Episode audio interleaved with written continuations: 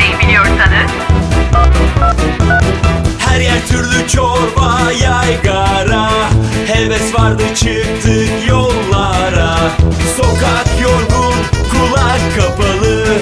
Susmaz ki bu taşkın farfara Farfara pazarlama farfara Farfara pazarlama farfara Hey!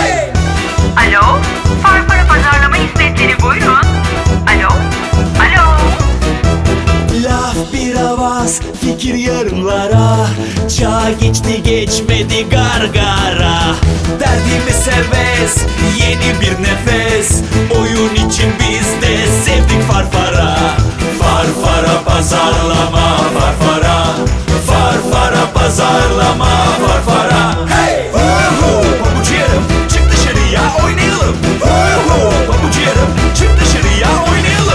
Herkese merhabalar. Farfara Pazarlama'nın dördüncü bölümünde yine sizlerle beraberiz. Eylül ayı geldi, okullar açıldı.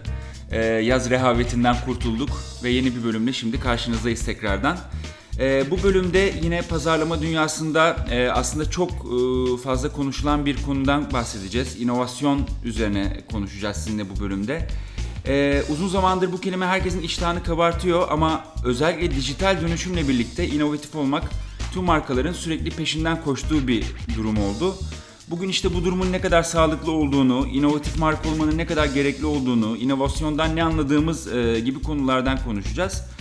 E, bu konuyu konuşmak için de Erhan Ecevit bizlerle. Erhan Future Bright grubun genel müdür yardımcısı. Ama e, buradan önce de uzun zaman pazarlama dünyasında e, inovasyonlardan sorumlu e, yönetici e, olarak çalıştı. Ben şimdi böyle kısaca e, anlatıyorum ama Erhan hoş geldin diyeyim ilk önce sana. Sağ ol, sağ ol Ozan merhaba. Ee, şimdi çok kısa hemen tanıttım Ee, burada e, Future Bright'te bizimle olduğundan bahsettim ama senin uzun zamandır bir profesyonel hayatta e, bulunmuşluğun var. Bize kısaca kendinden bahsedebilirsen aslında çok seviniriz. Tabii çok kısaca bahsedeyim. E, ismim Erhan Ecevit. E, yaklaşık bir buçuk senedir Future Bright'tayım. Future Bright'tan öncesinde e, pazarlamanın farklı farklı alanlarında çalıştım.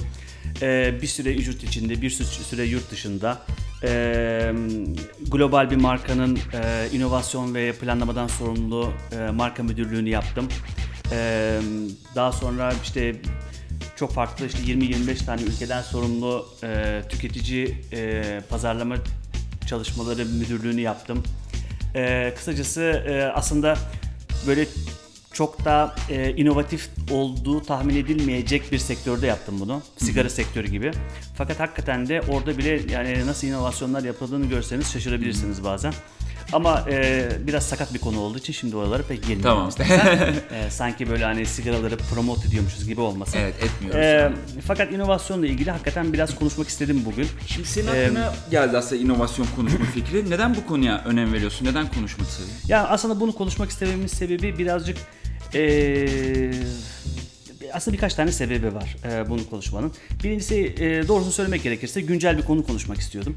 Eee, konuş ne konuşayım ne konuşayım derken eee, şöyle bir şey fark ettim. Eee, biliyorsun biz Future Bright olarak eee, tracking alanında eee, yani takip çalışmaları alanında Türkiye'nin lider eee, firmasıyız. Eee 30'a yakın kategoride eee, farklı farklı markaların tracking çalışmalarını yapıyoruz.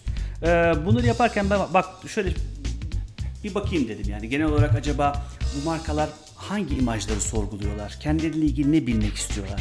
Nasıl takip ediyorlar? Rekabet içerisinde kendilerini nasıl görmek istiyorlar? Ve e, buna baktığım zaman mesela çok enteresan bir resimle karşı karşıya geldim. Nedir? E, 26 tane farklı tracking projesine baktım. E, şöyle bir şey gördüm. Ortalama 20 kadar imaj sorusu soruluyor. Ee, bunlar içerisinde sence en çok sorulan, en çok markaların takip ettiği imaj özelliği ne olabilir? Valla genelde işte markalar klasik olarak işte güvenilir olmak, işte ne bileyim başka işte tüke- Kaliteli, kaliteli olmak falan işte ürün performansı fiyata ilişkisi. değer, Evet. bilmem ne değil mi? Böyle O tip şeyler. şeyler oluyor genelde. Heh. Ama sen zannediyorum ki burada şimdi e, konumuzla Evet, ilgili çok bir şey enteresan geleceksin. değil mi? Şimdi bu, bu da bana bana da normal geliyor. Özellikle günümüzün dünyasında işte verdiğim paraya değmek, işte kaliteli olmak, tüketicim benim işte uygun fiyatlı vesaire yani biraz daha böyle kolay erişilebilir. Gel gelelim en çok e, sorulan e, imaj özelliği yenilikçilik. İnovasyon.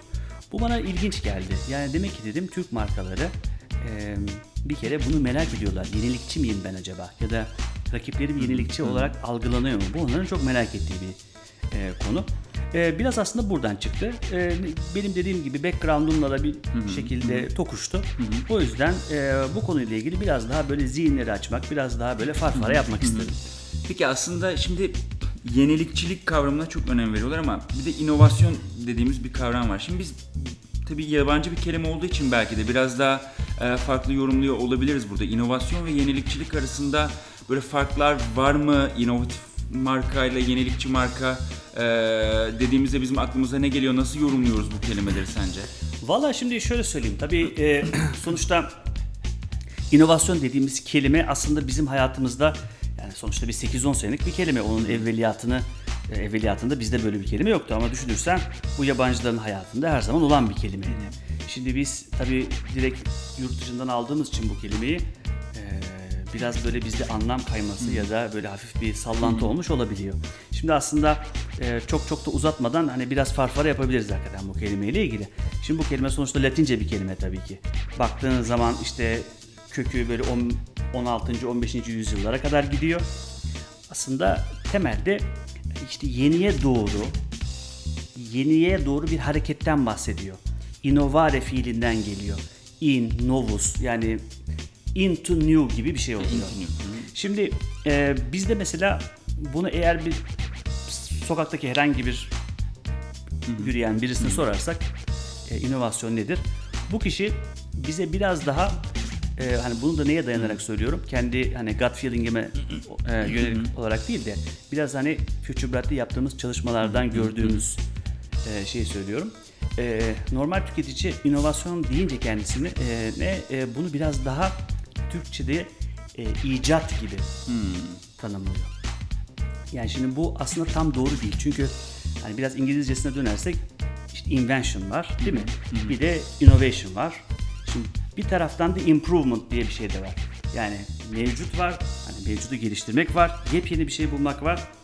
Şimdi inovasyon nerede oturuyor? İnovasyon aslında tam kelime manası olarak bunun ortasında oturuyor.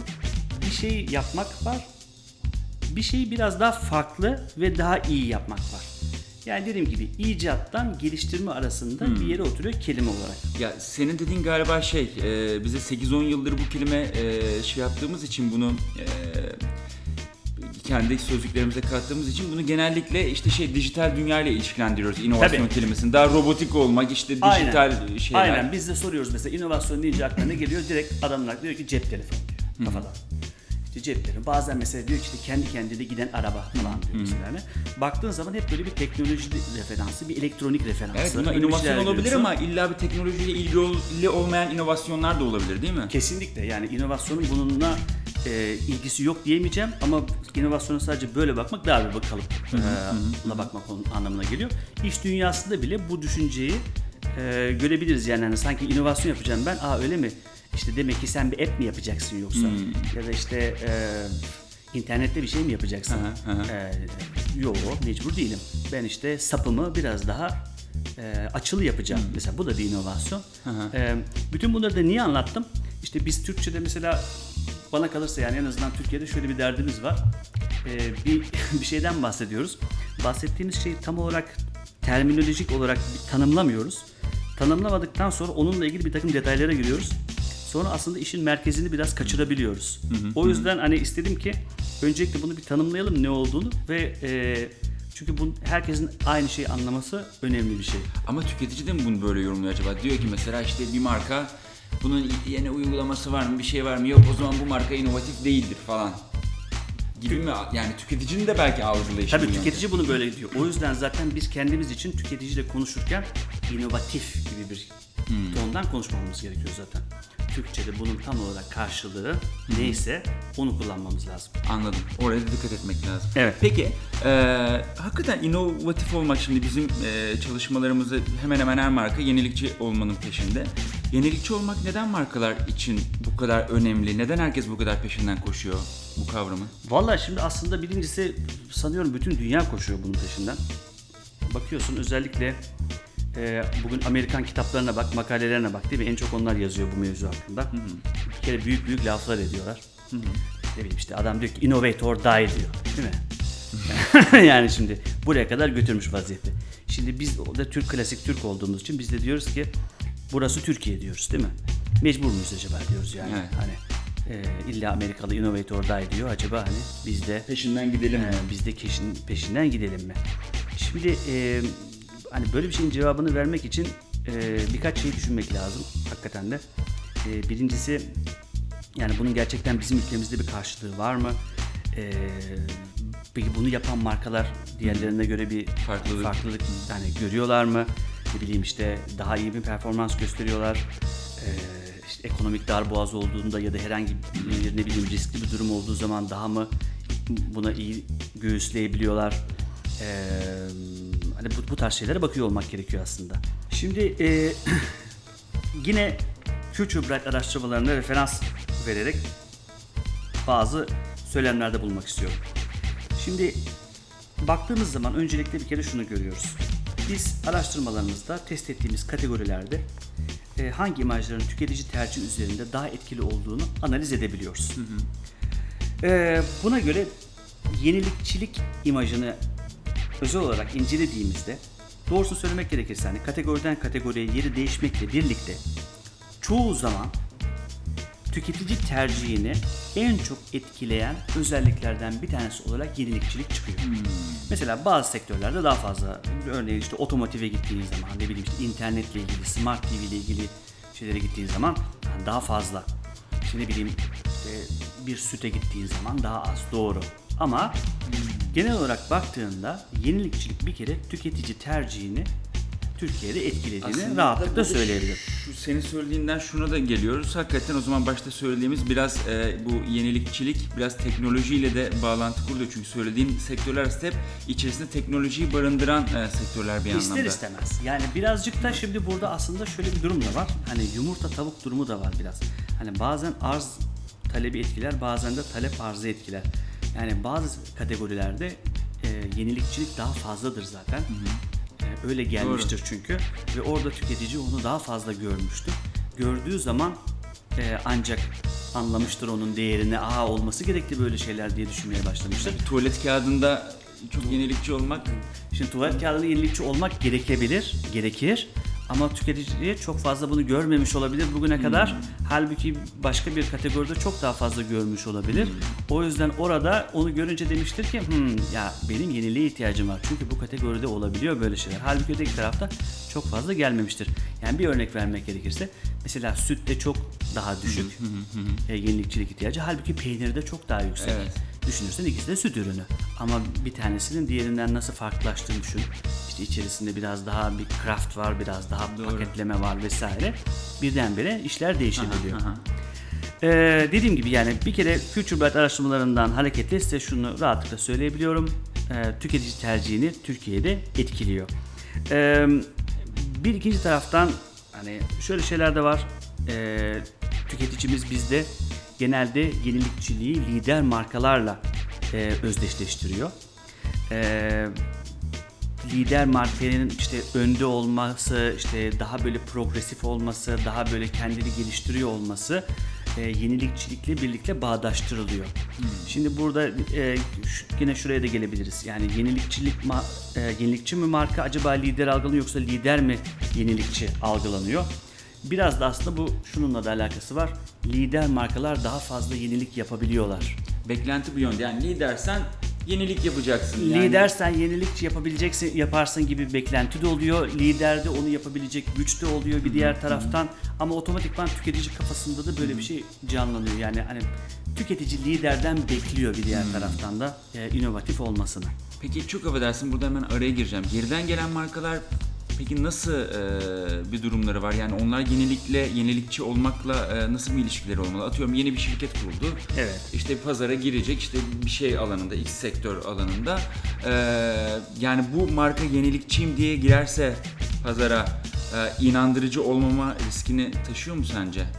Yani bütün stratejisini, iletişimini bunun üstüne kuruyor, yenilikçilik üzerine.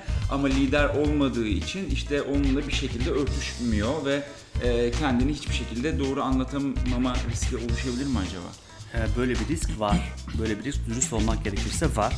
Ee, yeni bir marka kendisini otomatikman zaten diğerlerinden biraz farklı konumlamak zorunda.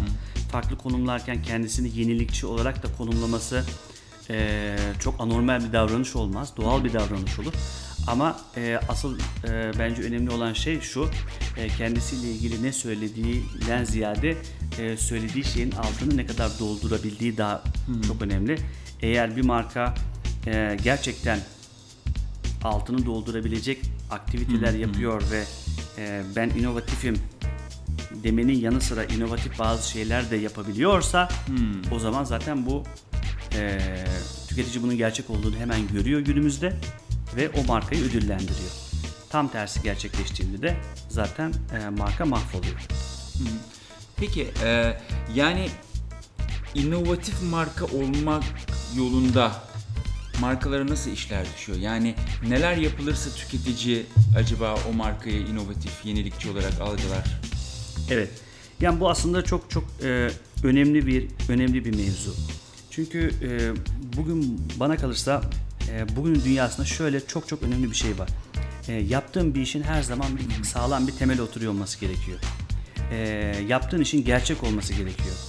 E, yaptığın işin e, yaptığın işte samimi olmak önemli, samimi bir dil kullanmak önemli. Bu da tabii ki çok önemli. Ama yaptığın işin gerçek olması çok çok önemli. Çünkü dijital bir çağdayız. E, kişilerle ilgili olsun, markalarla ilgili olsun bilgiler çok da açık şekilde paylaşılıyor ve ulaşılabiliyor. Yani sen kendinle ilgili bir sürü pozisyonlama yapıyorsun. Sonra birisi geliyor senin altında bir tane yorum yazıyor. Orada zaten her şeyin ne olduğu çıkıyor. O yüzden e, hani ben inovatif olarak algılanıyor muyum acaba? Sorusundan önce markasının kendisine sorması gereken şey ben gerçekten inovatif miyim acaba? Yani öncelikle buradan başlarsa e, daha sağlıklı ileriye dönük bir e, strateji geliştireceğini düşünmekteyim. Bunu peki nasıl yapacak? E, bir kere bu işe ciddi bir şekilde yaklaşması lazım kesinlikle. Bir ikincisi de bunun arkasına bir strateji koyması gerekiyor. Yani inovasyon stratejisi olmadan e, inovatif algılanmak söz konusu olmaz. E, olsa bile uzun vadeli olmaz. Kısa bir süre için olur. Sonra zaten e, herkes neyin ne olduğunu görür. E, bununla ilgili biraz konuşalım mı acaba Olur, ne olur. dersin? Yani hani çok iyi olur. böyle bir daha- böyle bir strateji Nasıl bir nasıl strateji, nasıl evet. nasıl bir strateji olacak? Nasıl bileşenleri olacak? Ee, hani bir iyi bir inovasyon stratejisini kendi markam için hani nasıl Benim aklıma e, şey geliyor, inovasyon stratejisi dediğin zaman işte belki de daha doğrusu tüketicinin aklına da böyle geliyordur. İşte ARGE laboratuvarları falan bilmem ne. İşte işte Değil mi? bir sürü robotik kollar bir şeyler üretiyor, yapıyor ama bu böyle bir şeyden bahsetmiyorsun ha, herhalde. milyon dolarları Milyon dolarlar falan evet yani aslında yeni dönem böyle de değil değil mi? Eskiden gerçekten böyleydi belki de. Çok ne kadar çok yatırım yaparsan o kadar inovatif oluyordun ama şimdi artık çok basit fikirler de e, inovatif olmanı da sağlıyor gibi. Ya kesinlikle olabilirsin. Ee, kesinlikle olabilirsin. Ee, yani benim açımdan e, baktığın zaman e, baktığım zaman e, bir kere eğer ki gerçekten inovatif olmak istiyorsan ve inovatif inovasyon stratejisini de kurmak istiyorsan e, çok çok önemli birkaç tane bileşen var. Bunları halletmen gerekiyor. Bunların da hiçbir tanesi öyle milyon dolar bileşenler değil. E, birincisi Markalar için güzel haberler geliyor yani şimdi. marka, markalar için.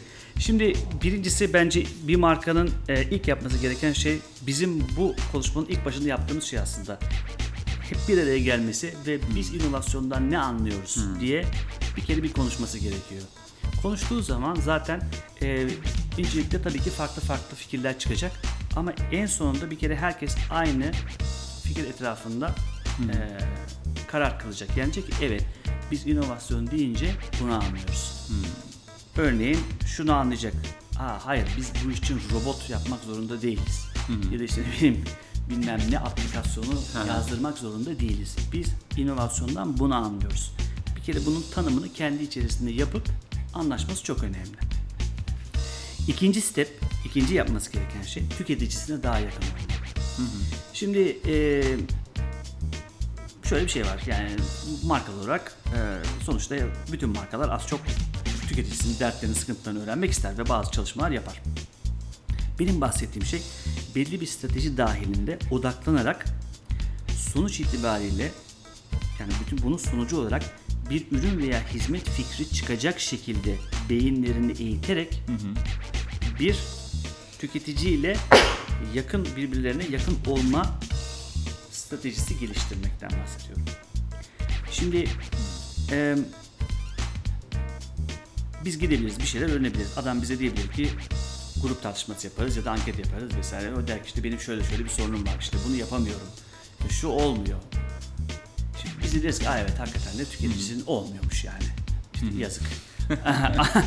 Şimdi buna biz böyle de bakabiliriz ama kendi eğer bir kere marka olarak beynimizi eğitirsek dersek aa bu kişinin şu problemi var. Şu kişinin de şu problemi var. Ve bir taraftan da şöyle şöyle bir gerçeklik de var. Hmm, ben bunları bir araya getirerek bütün bunlardan bir paket oluşturabilirim. Yani bu paketleri oluşturuyor olmak işte bir beyin e, Evet. yönlendirmesi. Ama çok pardon yani sadece aslında tüketicinin söylediğiyle de e, sınırlı kalmamak gerekiyor sanırım. Çünkü tüketici aslında her zaman ne istediğini de bilen pozisyonda değil. Evet bu da çok şey diyor. Yani tüketici, tüketici işte diyor ki mesela tüketici hep aynı şeyi söylüyor. İşte tüketici devamlı e, işte Evet. benim bildiğim şeyleri söylüyor. Ben nasıl bundan inovasyon çıkaracağım? E, şöyle bir yanlış algılama olmasın. Yani tüketici sonuç itibariyle bize ne inovasyon yapacağımızı zaten söyleyemez. Yani böyle bir şey olmaz. E, eğer zaten siz söylediğinin tüketicinin söylediği inovasyonu da yapıyorsanız o zaman zaten çok ortalama bir şey yapıyorsunuz demektir. Çünkü tüketici e, böyle dünyadaki gelişmeleri takip etmek, e, bunlardan talep etmek gibi bir misyonu olan bir varlık değildir. İhtiyaçlarını bilir, e, bunun devamını markanın sorumlusunun kendisinin hissetmesi gerekir.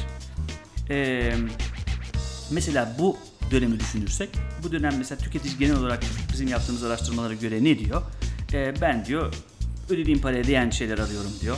Kendime diyor bir takım diyor hani net kolaylıklar getiren işte şeyler arıyorum diyor. Kendime diyor sürat getiren, işte çabukluk sağlayan şeyler arıyorum diyor.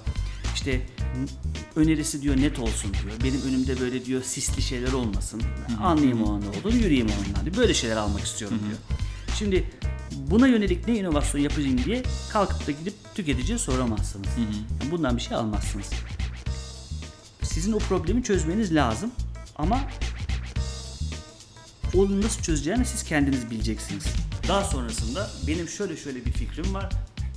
Şöyle şöyle bir çözümüm var. Sen bununla ilgili ne düşünüyorsun diye tüketiciye sorabiliriz. Ama ancak bunu sorabiliriz. Daha fazlasını beklemeyelim. Daha fazlasını beklemeye gerek yok. Çok klişe olacak ama Henry Ford'un dediği gibi insanlara sorsaydım e, şu anda daha hızlı bir at üretiyor olurdum. Aynen öyle. Demiş ya. Aynen öyle demiş. Doğru söylemiş. Peki e, tamam tüketici bize bunu söyleyemiyorsa biz e, kurumlarda işte markalarda çalışan profesyoneller olarak biz ne yapmalıyız? Yani hani kim kimin sorumluluğunda olmalı bu inovasyon e, süreçleri? Ne yapabiliriz biz çalışanlar olarak? Valla aslında inovasyon yani kimin sorumluluğunda kim yapsın inovasyonu. Aslında inovasyon sonuç itibariyle herkesin eee, ortak sorumluluğu gibi bir şey.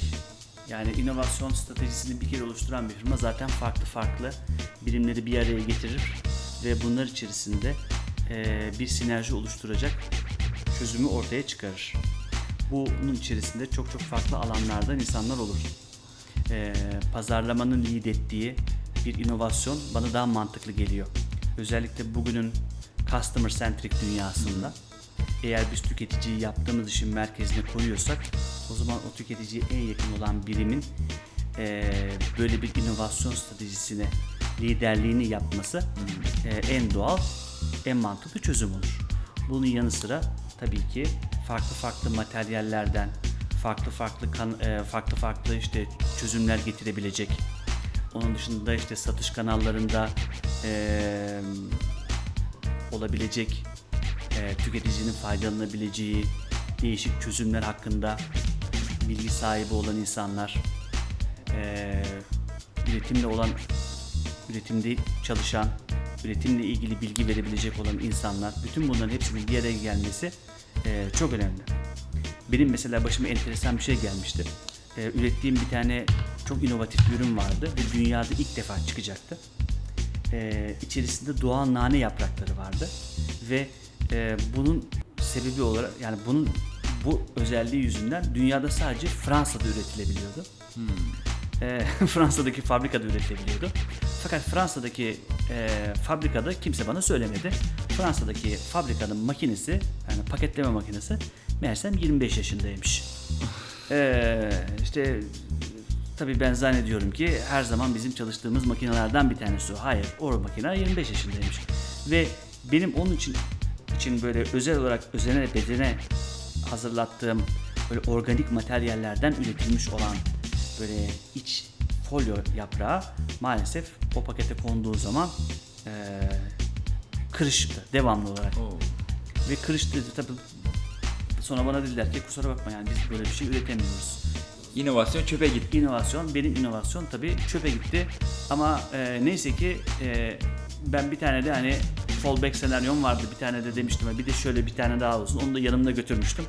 Neyse dediler ki ancak biz bunu yapabiliyoruz. Ama o gün o benim yanımda olmayabilirdi ve e, her şey birbirine girebilirdi. Demek istediğim şey çok çok basit bir şey var ama bunu şirket içerisinde mesela insanlar birbirleriyle paylaşmamışlardı. Aslında daha efektif bir yapı Yani olsaydı bütün o ayakların aslında eşit bir şekilde işleri olması lazım ki bir sonuca varsın. Tabii ki, tabii ki bütün insanlar birbirinden haberdar olursa, bütün hepsi tek bir merkezden yönetilirse o zaman bu tarz eee, küçük problemlerle, daha doğrusu küçük gibi görünen inanılmaz büyük problemlerle eee, karşı karşıya kalınmaz. Eee, bence durum bu. Evet. Ee, Erhan çok teşekkür ediyoruz. Bugün bize katıldığın için son olarak eklemek istediğin bir şeyler var mıdır bu konuyla alakalı? Valla eklemek istediğim şey eee, bir kere eee, bir kere şu.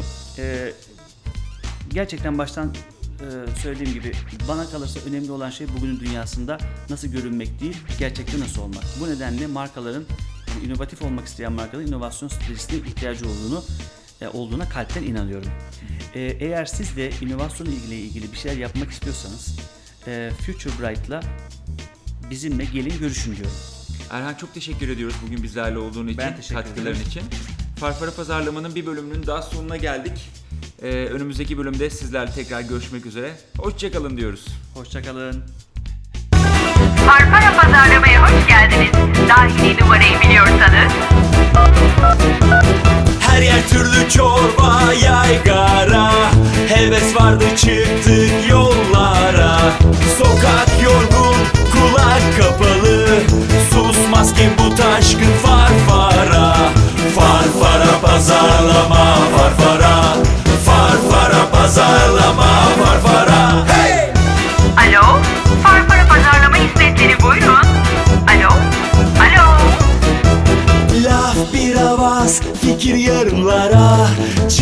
geçti geçmedi gargara.